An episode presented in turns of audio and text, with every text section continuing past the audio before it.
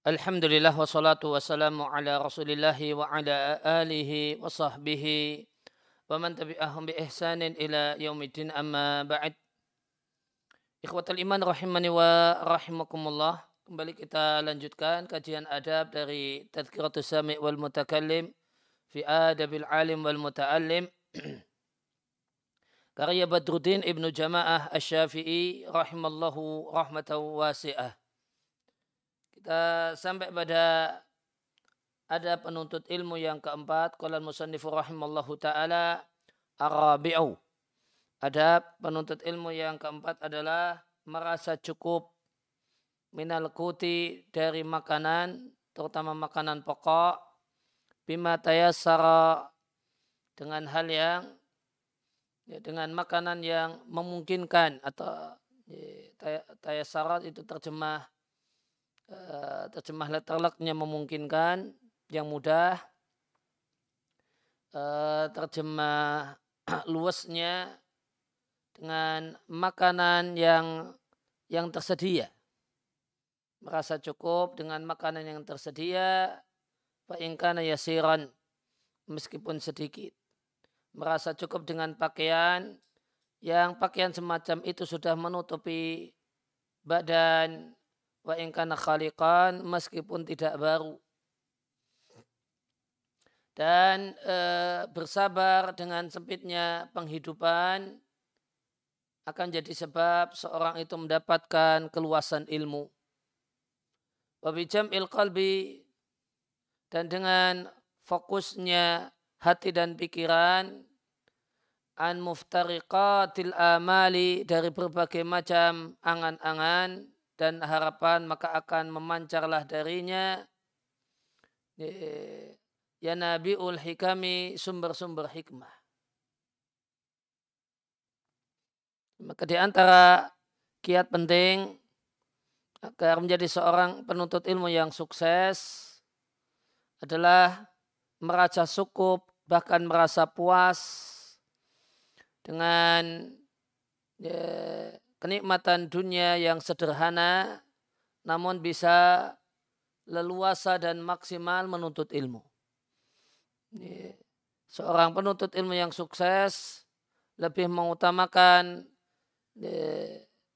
kemudahan, kelapangan, kecukupan waktu untuk menuntut ilmu dibandingkan uh, mengikuti uh, dibandingkan menjadi ahli kuliner, mengikuti mode, eh, mode pakaian, mode jajet dan seterusnya.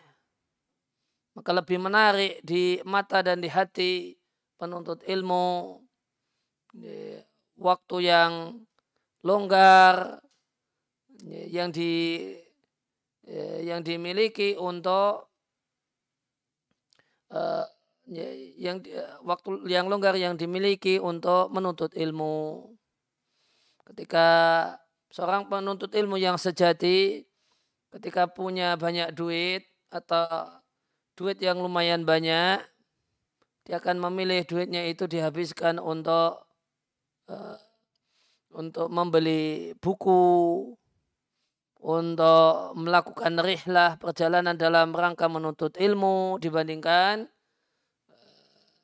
dibandingkan beli model pakaian yang terbaru atau gadget yang terbaru atau uh, ya, mencoba sekedar mencoba ya, ada rumah makan baru dan seterusnya.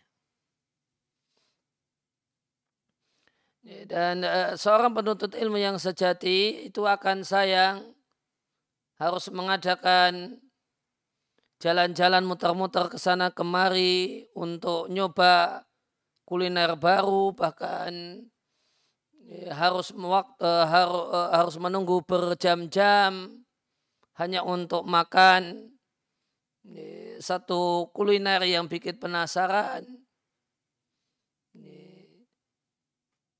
Seorang penuntut ilmu sayang dengan waktu-waktu semacam ini dan dalam pandangannya dan di hatinya lebih baik duduk di perpustakaannya,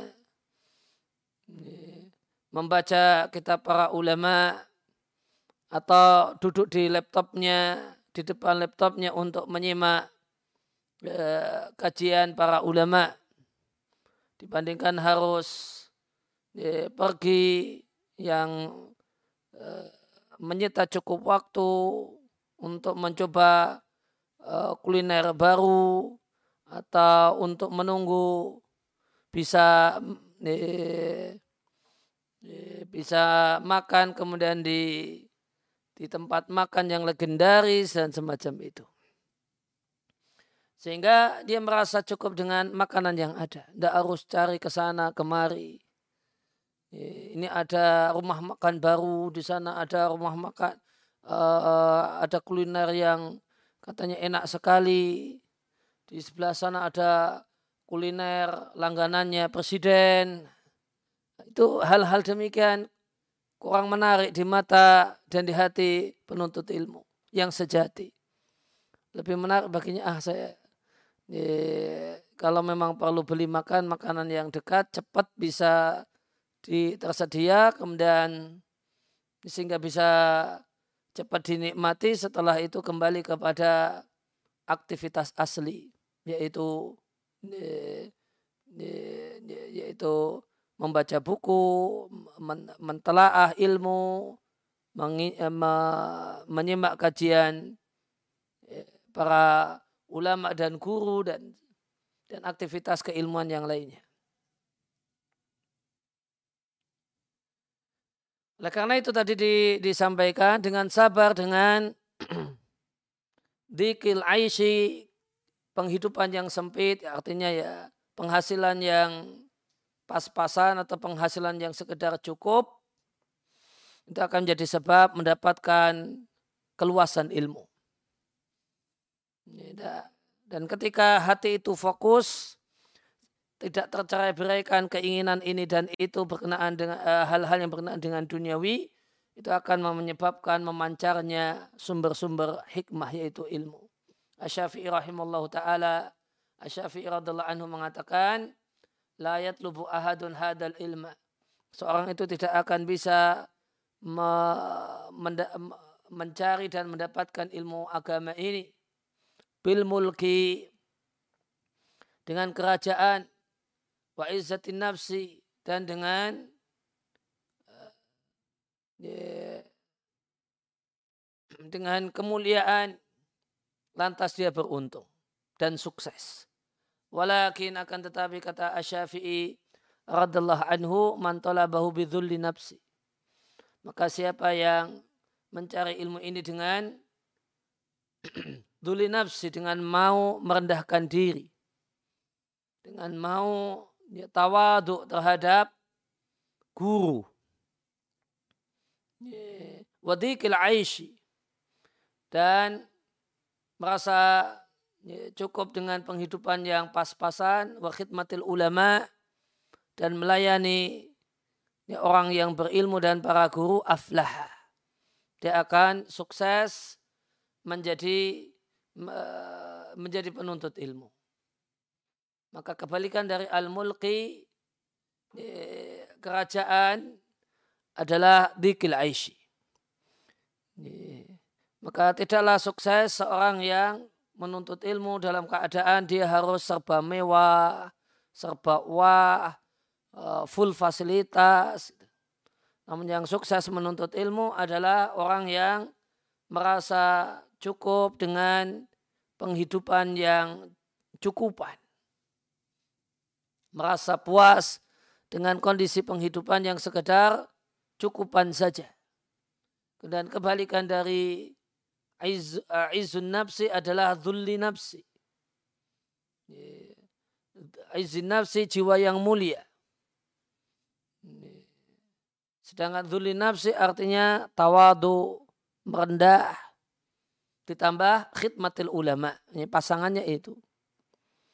Dia merendah, dia merendah,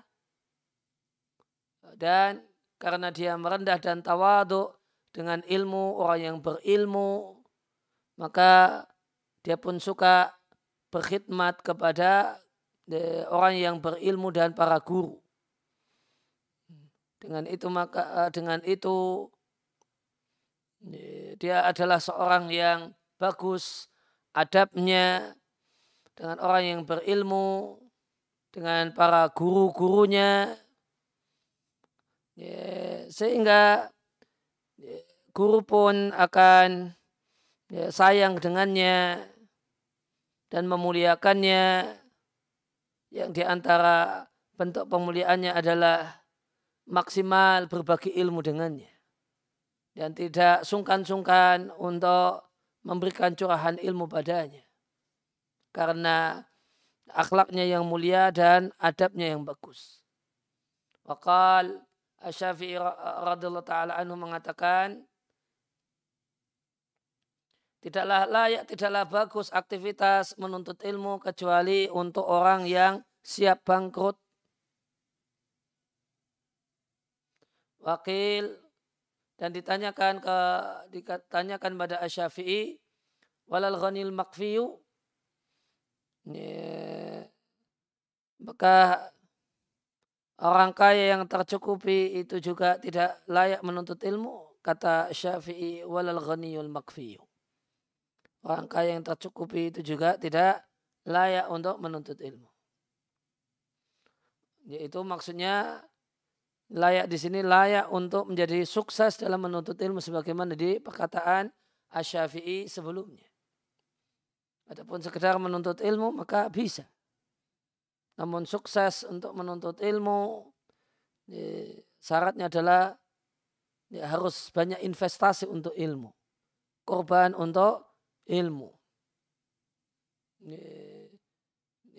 Lebih memilih ya beli buku, nyetak buku daripada jajet baru. Wakala Malik, Imam Malik rahimahullah ta'ala wa radiyallahu anhu menyampaikan la yablughu ahadun min, min hadal ilmi.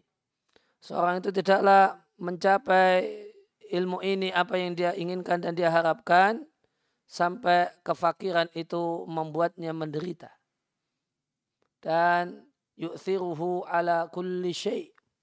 Dan ciri khas penuntut ilmu yang sejati, penuntut ilmu yang sukses, wa yu'thiruhu ala kulli syai. Lebih mengutamakan ilmu daripada segala sesuatu. Kalau apa-apa dia, dia dia akan memilih ilmu.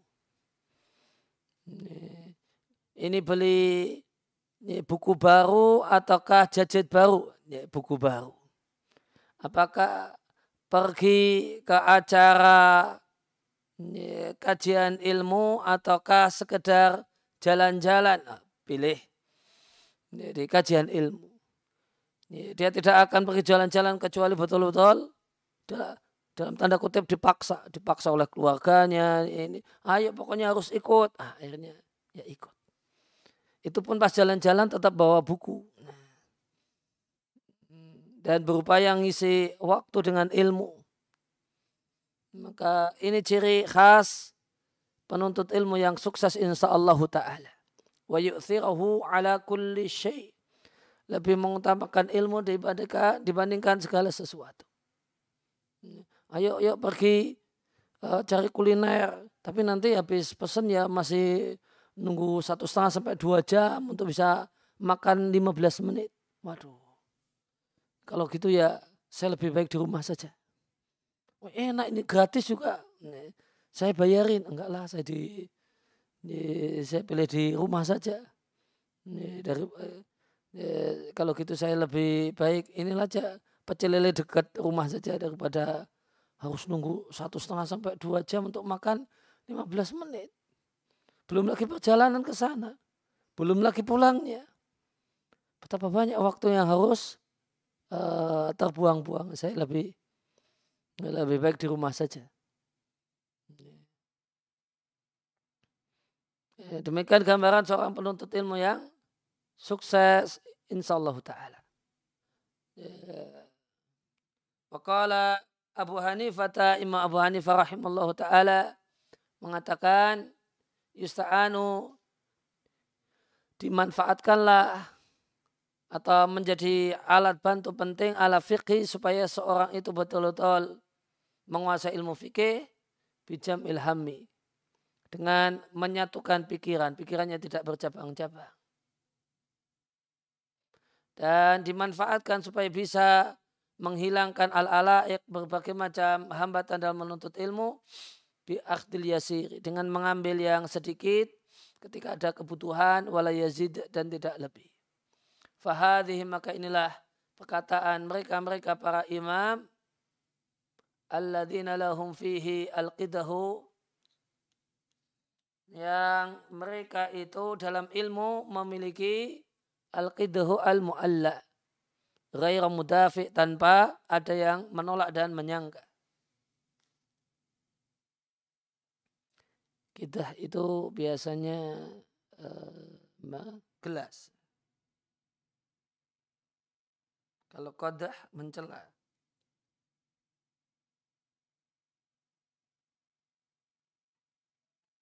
Pastikan.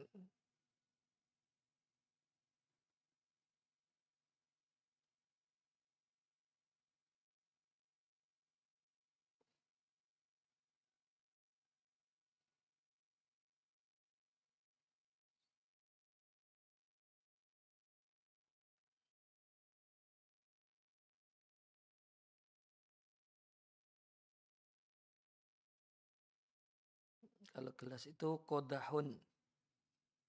Ini kod semadalnya di di fathah. Itu kodahun.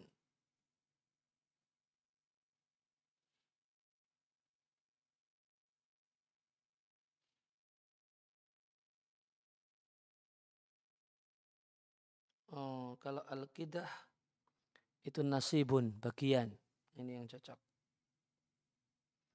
Kidah al-mu'alla artinya al-hadhu al-awfar. Bagian yang paling banyak. Ya, maka uh, mereka adalah demikianlah perkataan mereka-mereka yang dalam ilmu mereka memiliki atau mendapatkan bagian yang terbanyak tanpa ada yang menolak dan mengingkari. Kanat hadhihi maka demikianlah keadaan mereka radallahu anhum. Al-Khatib Al-Baghdadi rahimahullah ta'ala mengatakan dan dianjurkan bagi penuntut ilmu dianjurkan kalau memungkinkan untuk eh, bujangan saja. Tidak menikah ma'amkanahu selama memungkinkan. Selama menikah itu bukan belum menjadi kebutuhan mendesak baginya. Li'alla yaqta'uhu al-istighalu bihukuki zaujati supaya kesibukan mengurusi hak istri yang ingin jejak jalan-jalan ingin makan berdua di luar dan sebagainya itu tidaklah memutusnya. Demikian juga tolabul ma'isyati mencari uh, penghidupan yaitu bekerja tidaklah memutusnya an ikmalit tolabi. Untuk menyempurnakan kegiatan menuntut ilmu. Sufyan Thawri rahimahullah ta'ala mengatakan ya, beliau lebih ya, lebih wah lagi mantazawaja faqat raqibal bahr penuntut ilmu yang menikah itu bagaikan orang yang ya, naik kapal di tengah-tengah lautan. Fa'in wulida jika lahir untuknya anak dan momongan faqat kusirabihi maka kapalnya itu pecah di tengah-tengah lautan. Akhirnya dia tidak bisa melanjutkan perjalanan menuntut ilmu. Kesimpulannya apa tentang menikah dan menuntut ilmu? Wabil jumlati kesimpulannya fataku taswiji li ghairil muhtaji ilaihi maka menunda menikah bagi orang yang belum membutuhkan atau belum mampu uh, untuk ya, belum mampu ya, biayanya dan dia adalah seorang penuntut il, uh, dan uh, dan belum mampu biayanya aula itu yang lebih utama. La siyama lebih-lebih lagi untuk uh, litalib untuk penuntut ilmu yang modal utamanya adalah jamul khatir mengumpulkan pikiran dan mengendalikan hati dan perasaan. Artinya fokus. Wastikmalul fikir dan menggunakan pikiran. Jika seorang penuntut ilmu menikah maka umumnya tidak fokus. Ini terpecah dia mikirkan keluarganya, mikirkan pekerjaan, mikirkan istri, mikirkan anak, baru kemudian mikirkan ilmu. Ya, maka kesimpulan dari Ibnu Jamaah, ya, jika memang belum membutuhkan atau belum memiliki kemampuan, terutama untuk penuntut ilmu, ditunda saja menikahnya. Ya. Atau kita katakan kecuali jika dia mendapatkan e, calon istri dan mertua yang mendukungnya untuk lanjut belajar dan serius belajar. Nah, itu ini dalam kondisi semacam ini e, ma, ya, bisa dikatakan menikah lebih baik.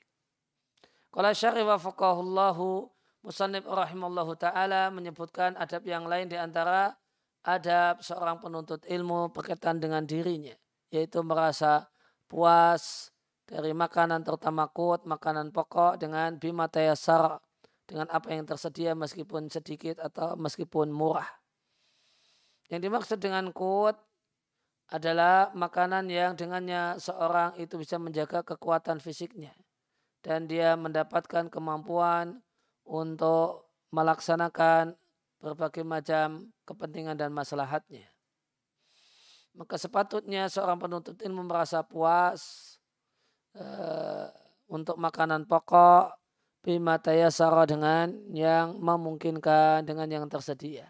Demikian juga ya pakaian merasa cukup dengan pakaian yang bisa menutupi badan meskipun khalikan. Khalikan artinya balian ghaira jadidin. Balian itu uh, uh, maknanya adalah kata setelahnya yaitu tidak baru. Meskipun pakaian bekas asalkan masih layak dipakai maka penuntut ilmu sejati cukup dengan hal itu. Penjelasannya adalah apa yang beliau sampaikan dengan sabar, dengan kesempitan hidup, seorang itu akan mendapatkan keluasan ilmu dan seterusnya. Fa'inal insana maka seorang itu ketika kondisinya fakir, fakir di sini ya, yang tepat adalah sekedar pas-pasan, wala iwas dan kondisi susah, ya asullahu minal farahil qalbi. Dia mendapatkan uh, konsentrasi hati yang itu tidak dia dapatkan ketika dia kaya dan kaya. Kalau kaya pengen ini, pengen itu, pengen ini, pengen itu, macam-macam. Itu bikin pikiran pecah. Kalau orang itu duitnya ngepas, ya, pikirannya enggak uh, uh, pikirannya itu fokus, enggak pengen ini, pengen itu enggak. Ya, dia cuma pikirannya pengen ya, makan yang makan yang mengenyangkan, makan cukup sudah. Ya tidak harus pergi ke sana kuliner sana, oh nyoba yang sana dan seterusnya. Itu pikiran orang yang banyak duit. Final arnia karena orang-orang kaya mereka disibukkan. Pertama, bitahsil amwalihim. Untuk cari duitnya. Yang kedua, sianatiha wa hifdiha.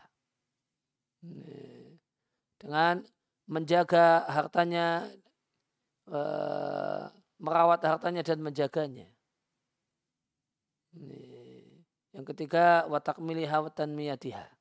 Menyempurnakan dan menumbuh kembangkan, membesarkan hartanya. Fayakun udhalikal surlu, maka kesibukan ini akan mufarikan lil himmah. Akan memecah perhatian dan menghancurkan al-fikrah, ide dan pikiran hancur berkeping-keping karena ada yang ke sana, ada yang ke sana, ada yang ke sana. fil iwazi beda dengan orang yang orang yang susah dan orang yang berhajat. Orang yang uh, sekedar cukup fa'inal fakir maka orang yang fakir dia tidak memiliki harta yang menyibukkannya dan memutus dan memutus atau menghalanginya dari kegiatan menuntut ilmu.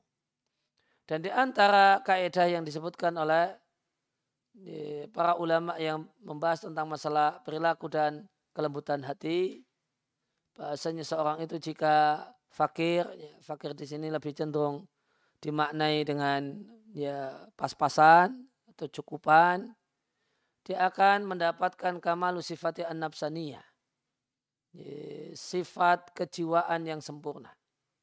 Orangnya khusyuk, orangnya ndak uh, ndak macam-macam, ndak neko-neko, lebih kemudian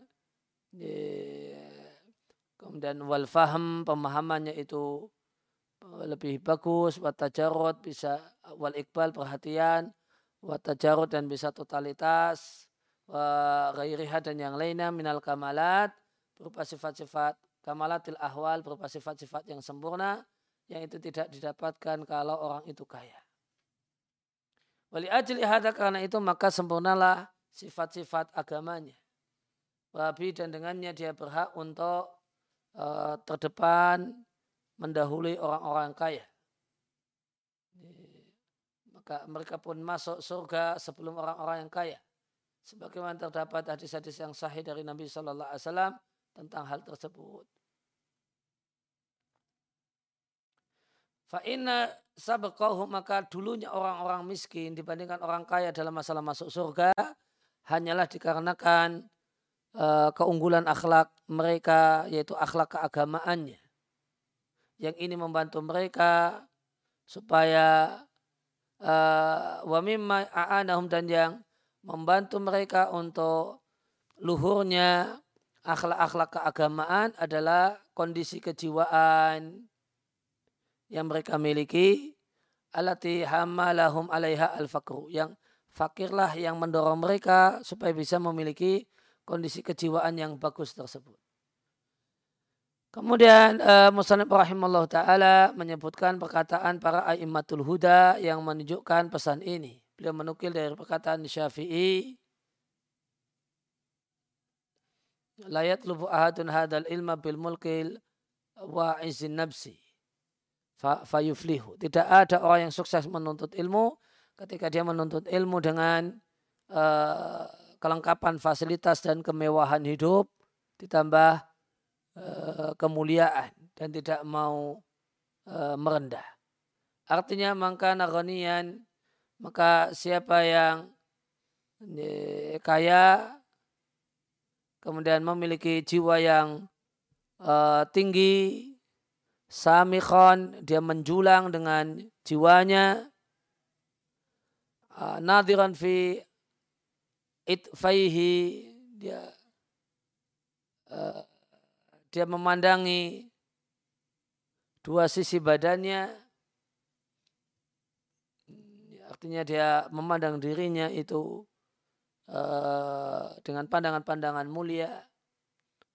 Mutakabiran bima ingdahu yang cenderung sombong.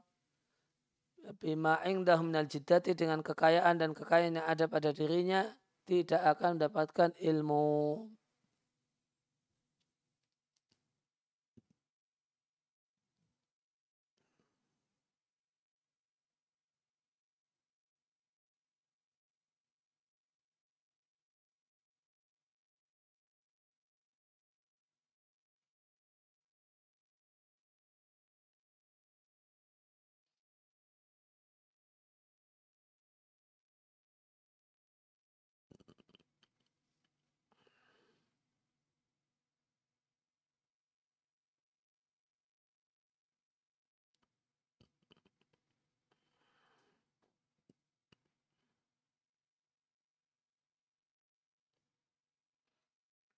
Yang dur ila itifaihi artinya mu'jiban binafsihi. Dia terkagum-kagum dengan dirinya. Wa amal mu'wis adapun orang yang susah, yang membutuhkan, yang dirinya itu merasa rendah dan hina, dan sempit penghidupannya, maka kondisi ini mendorongnya untuk merendah dalam menuntut ilmu, dan mendorongnya, membuatnya enteng untuk berkhidmat kepada guru. Fa'inau yuflih. Dia akan menjadi penuntut ilmu yang sukses. Pemahasana betapa indahnya kaulah syair, perkataan seorang penyair, al ilmu habun lil fata lil fata al mutaali. Ya, ilmu itu musuh besar lil fata bagi orang yang al mutaali sombong dan meninggi kasaili harbun lil makanil ali sebagaimana aliran air itu bermusuhan besar dengan tempat yang tinggi. Dia tidak mau berada di tempat yang tinggi. Dia akan meninggalkan tempat yang tinggi. Aliran air itu akan meninggalkan tempat yang tinggi.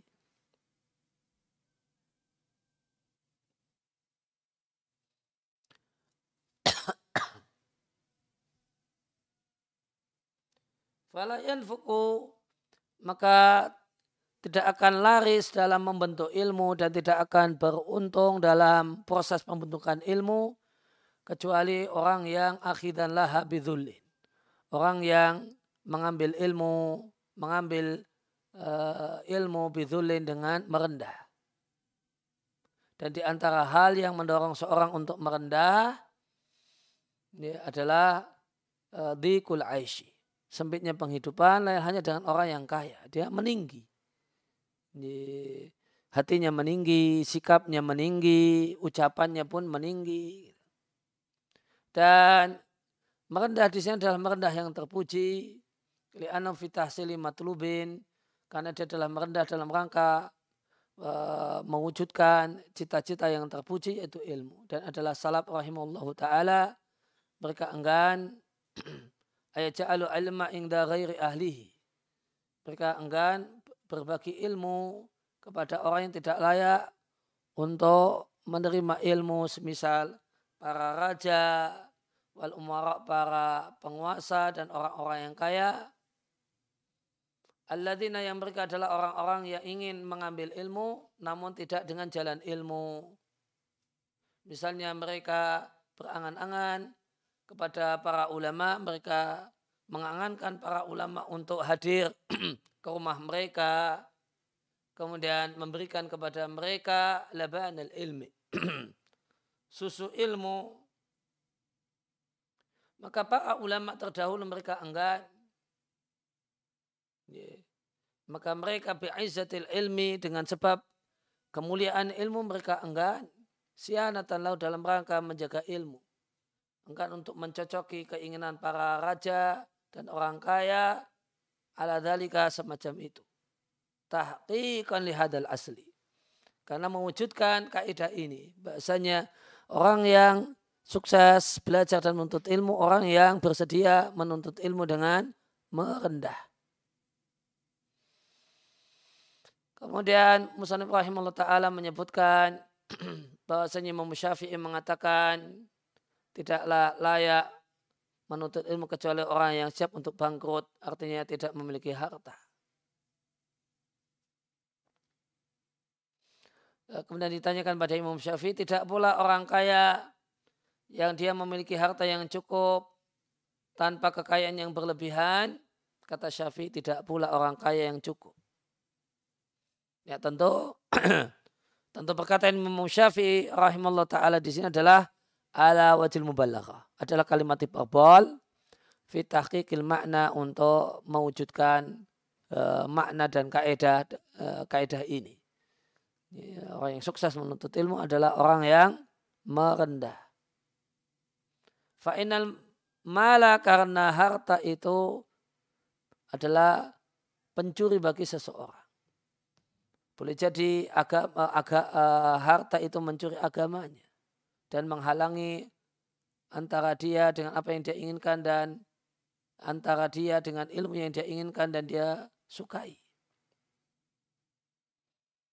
Uh, bahwa boleh jadi seorang itu hanya kaya cukup bukan uh, ghaira sarain tanpa kaya raya, wabatar dan sombong. Maka kaya yang cukupan ini fa'ahabal mala.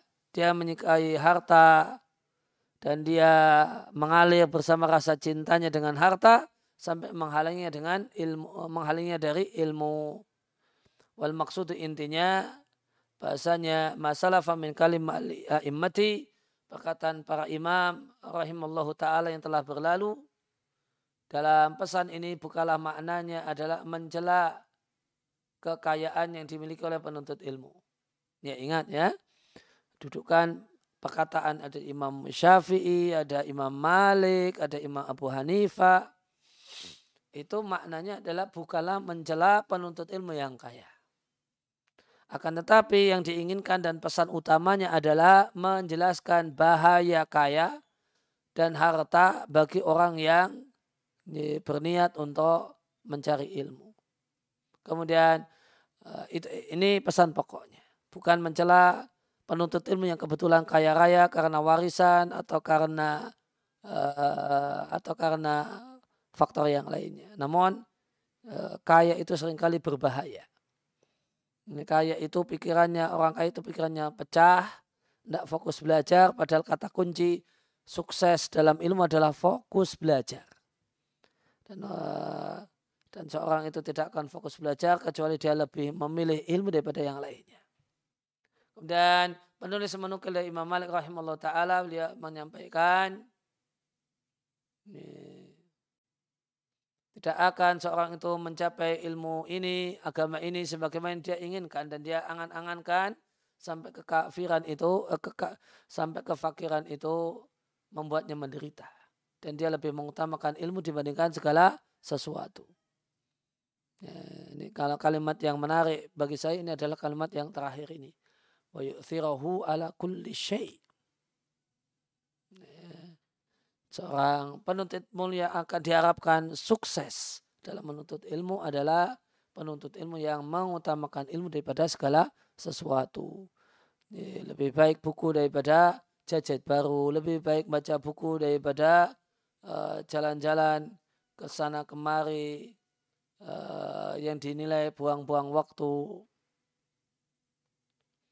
Nah, Kemudian Musanib menukil dari Abu Hanifah An-Nu'man ibn Thabit uh, rahim, uh, rahimallahu taala. Beliau mengatakan orang itu alat bantu supaya orang bisa paham agama adalah jamil hammi. Adalah fokusnya pikirannya.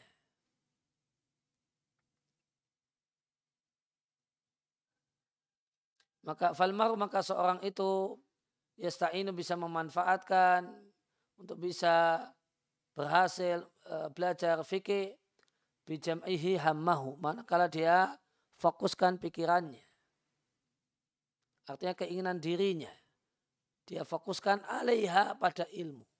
Demikian juga dia meminta tolong untuk bisa sukses belajar dengan membuang al-ala'iq yaitu ta'alukan nafsaniyah. Kemarin telah dibahas ala'iq itu uh, adalah keterkaitan-keterkaitan kejiwaan yang bersifat internal. Maka hambatan-hambatan menuntut ilmu yang bersifat internal dalam diri, semacam larut dalam kesedihan, cemas dengan masa depan, dan seterusnya. Caranya bi'akhdil yasiri ingdal hajati mengambil yang sedikit ketika ada kebutuhan dan tidak lebih. Li'annahu idha karena jika dia lebih dari kebutuhannya, maka akan banyak uh, pikiran, kejiwaannya dan besar. Kemudian Musanib rahimahullah ta'ala mengatakan inilah perkataan mereka, mereka para imam yang berkaitan memiliki bagian yang paling banyak dalam ilmu.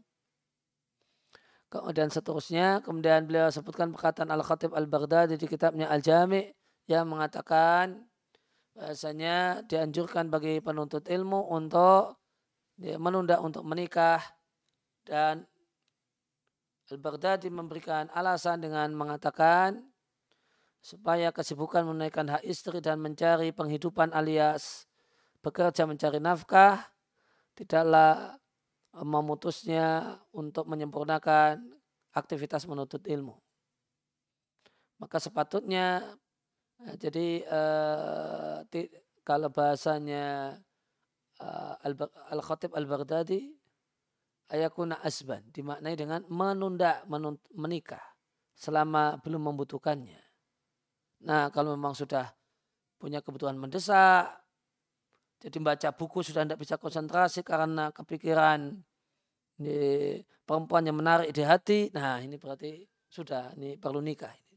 Tapi kalau pikiran tentang perempuan itu bisa disingkirkan, bisa dipinggirkan, ya, disebabkan asik baca buku, menyimak ilmu, maka uh, ilmu lebih baik baginya daripada uh, menikah.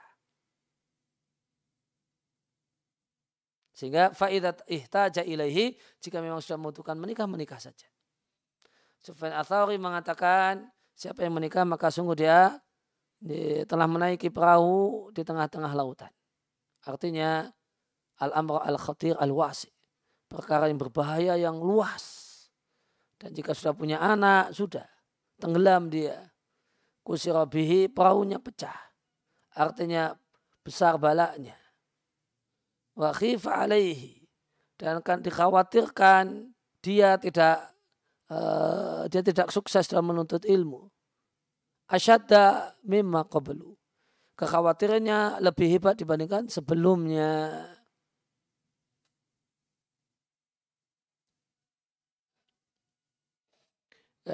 Karena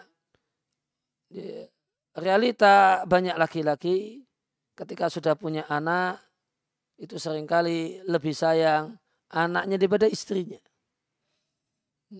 Kalau istrinya minta sesuatu ya, atau mengajak sesuatu sedangkan dia lagi asik dengan ilmunya, dengan bukunya, dia bisa katakan nanti. Tapi kalau yang datang itu anaknya yang lucu, kemudian dia eh, megang tangan ayahnya, kemudian ngajak ayahnya ke mana, dia nggak bisa nolak. Nggak bisa nolak. Eh ternyata uh, anaknya yang kecil yang yang baru kemudian belajar berjalan atau belum lama belajar berjalan ini megang tangan ayahnya diajak main bola misalnya tidak bisa di tidak bisa ditolak. Kalau ajaran istri ya bisa ditolak enggak nanti selesai dulu baca buku. Kalau ini yang si kecil yang datang tidak bisa ditolak. Sehingga kalau sudah punya anak maka bahaya. Untuk tidak bisa maksimal menuntut ilmu lebih besar. Daripada uh, daripada ketika menikah namun belum punya anak. Final insana karena seorang laki-laki Ida ja'atulahu dhuriyah jika dia punya keturunan maka melekat pada keturunan ini ketergantungan baru.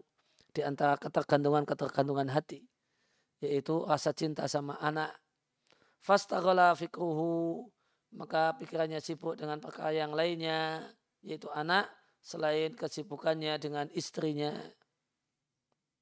Summa qala musannif rahimallahu taala wabil jumlah kesimpulannya menunda menikah untuk bagi orang yang belum punya kebutuhan atau belum punya kemampuan itu yang lebih baik terutama untuk menuntut ilmu. Wa ayu ra'sumalin aula wa a'dham inda talbil ilmi min hada. Dan modal apakah yang lebih utama dan yang lebih besar penuntut ilmu dibandingkan ahli ini? Yaitu modal berupa jamul khotir fokusnya pikiran. Wa, ijma, wa ijmamul qalbi. Dan terkendalinya pikiran. Sehingga tidak pecah. Namun bisa fokus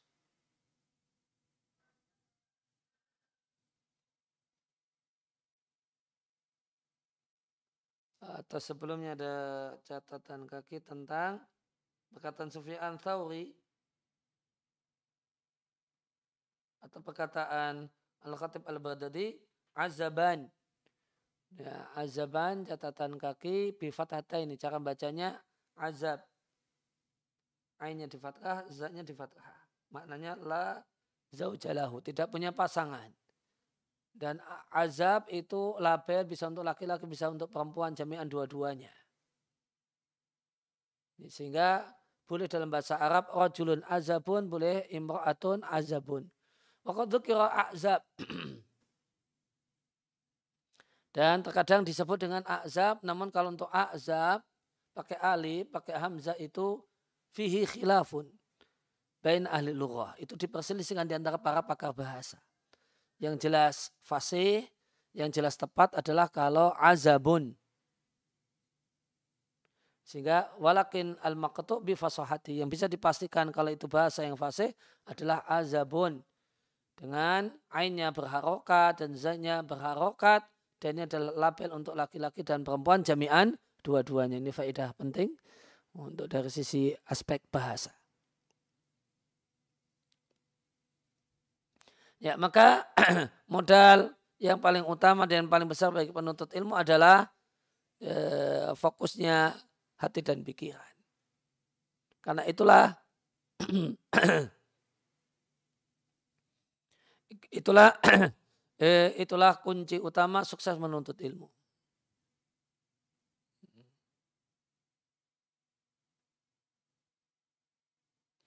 Saya pernah, saya pribadi pernah ditanya oleh seorang yang sudah berumur, uh, saat apa bisa orang yang sudah berumur itu eh, bisa maksimal belajar. Ya, dan beliau seorang pengusaha gitu. Saya katakan bisa Pak dengan dua syarat. Ya, bisa dengan dua syarat. Bisa yang pertama bisa menyediakan banyak waktu karena usahanya sudah autopilot. Ini kalau usahanya belum autopilot dia masih harus nangani semuanya, tidak bisa. Ini, tidak akan bisa memberikan banyak waktu. Namun usahanya udah autopilot, sudah bisa punya orang kepercayaan yang bisa uh, dipercaya untuk uh, ngurus usaha. Ini, saya sampaikan bisa pak orang yang yang sudah umur lanjut itu bisa sukses dalam menuntut ilmu bisa dengan dua syarat. Yang pertama bisa menyediakan waktu untuk ilmu, menyediakan banyak waktu untuk ilmu yang ini syaratnya ya karena dengan uh, punya usaha, punya bisnis, bisnisnya autopilot. Tidak harus uh, ngurusi semuanya. Kemudian yang kedua, fokus. Nah, nah fokus ya, ini adalah modal utama penuntut ilmu. Jamul khatir, pikiran itu ngumpul, nggak pecah.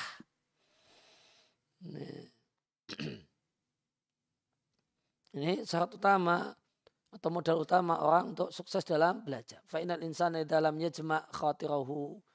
Maka jika seorang itu tidak mengumpulkan pikirannya, sehingga pikirannya tidak terpecah-pecah, tidak pula bisa mengendalikan jiwanya, tidak pula membuka, menggunakan pikirannya dalam menuntut ilmu, maka dia tidak akan mendapatkan ilmu. Wal maksudu intinya, anak minal umuri di antara Eh, di antara perkara yang bisa terwujud dengannya konsentrasi hati adalah uh, menunda menikah dan menunda untuk memiliki anak hingga pada saat belum membutuhkan. Adapun jika ada kebutuhan, maka uh, maka yang tepat seorang itu hendaknya segera menikah. Atau catatan dari saya atau uh, demikian juga ketika dia mendapatkan uh, istri dan calon mertua, calon istri dan calon mertua yang support dengan Eh, support dengan keinginannya untuk lanjut fokus menuntut ilmu. Wahadil masalah dan masalah dan masalah-masalah yang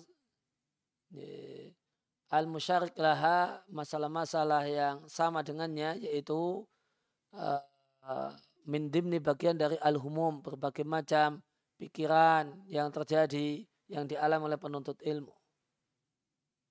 Rubama boleh jadi dalam kasus-kasus ini seorang penuntut ilmu mengambil satu opini dan pendapat yazilubihi dia terpleset karenanya anil khata dari kesalahan. bari maka sepatutnya seorang itu antusias untuk meminta saran dalam masalah ini supaya dia tidak menaiki ya, perahu di tengah-tengah lautan atau tenggelam di lautan tersebut. Wa min tulabil ilmi di antara penuntut ilmu ada orang yang bersegera di awal masa mudanya dengan banyak menikah. Dengan di awal mudanya eh, malah diisi dengan banyak menikah. Istrinya sudah empat di umur yang masih eh, cukup belia. Dan ini adalah satu hal yang yudirubihi. Ini ya, satu hal yang memberikan madarat baginya. Karena jika dia tambahkan istri yang kedua, ketiga, yang keempat di samping istri yang pertama, karena nambah istri kedua, ketiga, dan keempat di samping istri yang pertama, itu ya sun itu bagus bagi penuntut ilmu. Syaratnya ba'da rusuhi kodamihi mali ahliyatihi wa tasaddurihi lil ifadati wan naf'i. Setelah telapak kakinya itu kokoh di ilmu dan sudah sempurna uh, ahliyatihi kelayaannya dan dia sudah saatnya untuk tampil memberikan faedah artinya mengajar wa nafa dan memberikan manfaat kepada masyarakatnya dengan mengajar. Adapun di fi bawakiril amri di uh, di awal-awal perkaranya yaitu awal-awal perjalanannya menuntut ilmu dan di awal-awal umurnya maka hal tersebut akan menyebutkannya satu istri saja sudah satu istri dengan anak-anaknya sudah menyebutkan apalagi istri yang kedua dengan anak-anaknya dan seterusnya. Warubama bahkan boleh jadi akan menghentikannya dari menuntut ilmu. Maka untuk orang yang serius menuntut ilmu disarankan oleh Sasolah al usaimi untuk tidak poligami di awal-awal belajar. Ya, masih statusnya dia marhalah tolak fasenya fase belajar, belum fase mengajar. Itu dijumpai ada penuntut ilmu yang sudah punya istri dua, tiga, di padahal di fase dia belajar. Nah, ini kata beliau berbahaya. Yang cocok kalau mau e, berpoligami itu ketika fasenya sudah fase mengajar. Sudah kemudian sudah kemudian e, dinilai layak untuk lebih sibuk mengajar daripada belajar. Ya, tasadur lil ifadah wan nafa. Nah, ini di fase ini nah ini kalau kalau nambah istri ya ini ya baik-baik saja. Waqat al dan aku telah menyampaikan e, ceramah ya, tematik dengan judul ya, kegalauan penuntut ilmu kuba, uh, saya bicarakan dalam ya, ceramah ini ya, tentang hal-hal yang anhamin min humumin aman anhamin min humumihi. Tentang uh, pikiran dan kegalauan-kegalauan penuntut ilmu yang disebutkan di sini yaitu kegalauan untuk menikah ditambah 20 kegalauan yang lainnya. Ma'a isrina dengan ditambah 20 haman kehamilan sehingga lengkap menjadi uh, sehingga kegalauan yang lengkap. Maka sepatutnya penuntut ilmu untuk berantusias untuk bisa mendapatkan ceramah tersebut dan mendengarkannya li'anna huma ilmi karena kegalauan penuntut ilmu di antara hal yang sedikit perhatian tentangnya dari para ulama sehingga sedikit dan jarang dibahas Wahia padahal kegalauan penuntut ilmu ini min aula al-humumi. Ya, termasuk kegalauan yang uh, yang utama alat yang beri antufaroja untuk dihilangkan dan dijelaskan uh, sisi cara syar'i yang patut diperhatikan padanya. Dan uh, humum talibul ilmi ini telah ditranskrip dan telah dicetak uh, dalam buku PDF tersebar di internet dan uh, sudah kami bacakan ya, kitab ini umum talibul ilmi karya sesoleh alus uh, sesoleh alusemi sudah uh, tuntas dibacakan di majelis ini bisa dicek di ya, channel YouTube Haku TV atau channel YouTube ya, Ustadz Arsunanda. Ya, demikian. Wassallallahu ala nabiyina Muhammadin wa ala alihi wa. Subhanakallahumma bihamdika. Ilaha illa anta. Astaghfiruka wa atubu.